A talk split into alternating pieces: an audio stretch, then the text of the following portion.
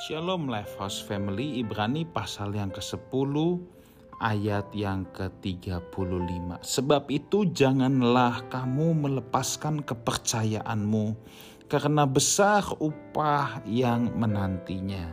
Ayat 36 sebab kamu memerlukan ketekunan supaya sesudah kamu melakukan kehendak Allah kamu memperoleh apa yang dijanjikan itu. Saudaraku, ya dalam hidup ini tentu kita punya banyak cobaan, kita punya banyak godaan untuk kita meninggalkan Tuhan. Dan tidak sedikit orang yang pada akhirnya memilih melepaskan kepercayaannya. Kalau saya bicara melepaskan kepercayaan, ini enggak tunggu pindah agama dulu saudara. Ada memang yang sampai pindah agama demi jodoh, pindah agama demi jabatan, pindah agama demi proyek. Ya bisa saja itu ada. Tetapi kalau saya katakan di sini melepaskan kepercayaan itu enggak tunggu pindah agama. Misalnya Anda punya peluang untuk korupsi tapi Anda berkata, "Aku lebih mencintai Yesus daripada uang hasil korupsi." Itu saudara berpegang teguh pada kepercayaan. Tapi kalau kemudian kita memilih untuk korupsi, ya, maka sebenarnya walaupun kita masih dikatakan beragama Kristen, saudara, kita telah melepaskan kepercayaan kita. Ketika kita mau menjadi tidak setia, berselingkuh dari pasangan kita, itu juga sudah melepaskan kepercayaan jadi melepaskan kepercayaan itu tidak tunggu kita keluar dari agama Kristen.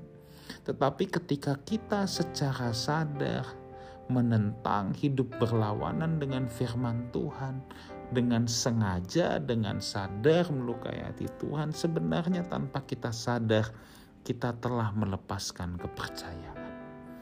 Itu sebabnya saudara kita diingatkan pada kesempatan ini. Janganlah kamu melepaskan kepercayaanmu. Besar loh upah yang menantinya. Ya. Tentu saudara ini bukan sekedar hanya upah yang menanti. Kita kan ikut Tuhan bukan karena upah.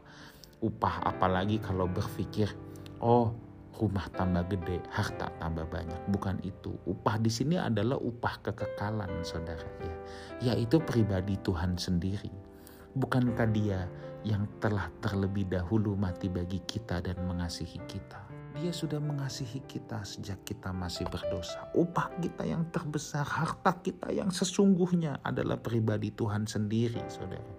Jadi kalau di sini dikatakan ada upah yang menantikan. Setelah kamu melakukan kehendak Allah, kamu memperoleh apa yang dijanjikan itu. Apa sih yang dijanjikan?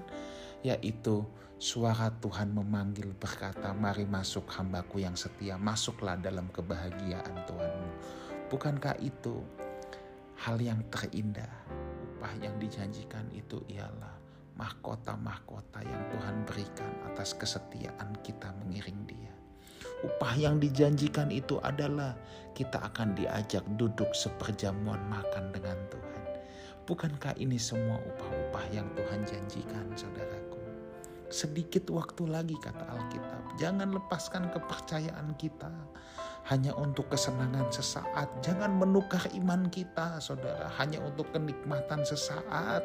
Katakan, saudara, bisa banyak uang kalau ikut mencuri, kalau ikut korupsi. Ya saudara, kita mau nikmati uang itu berapa lama saudara? Dan seperti apa sih kita bisa nikmatinnya? Bisa beli jet pribadi. Tapi kalau jet pribadi itu jatuh juga udah selesai semua. Jadi pesan moralnya apa? Pesan moralnya jangan kita melepaskan kepercayaan kita. Mari kita berpegang teguh pada iman kita sampai ia datang kembali dan dia menjumpai kita sebagai mempelainya yang tidak bercacat, tidak bercela. Tuhan Yesus menyertai kita semua. God bless you.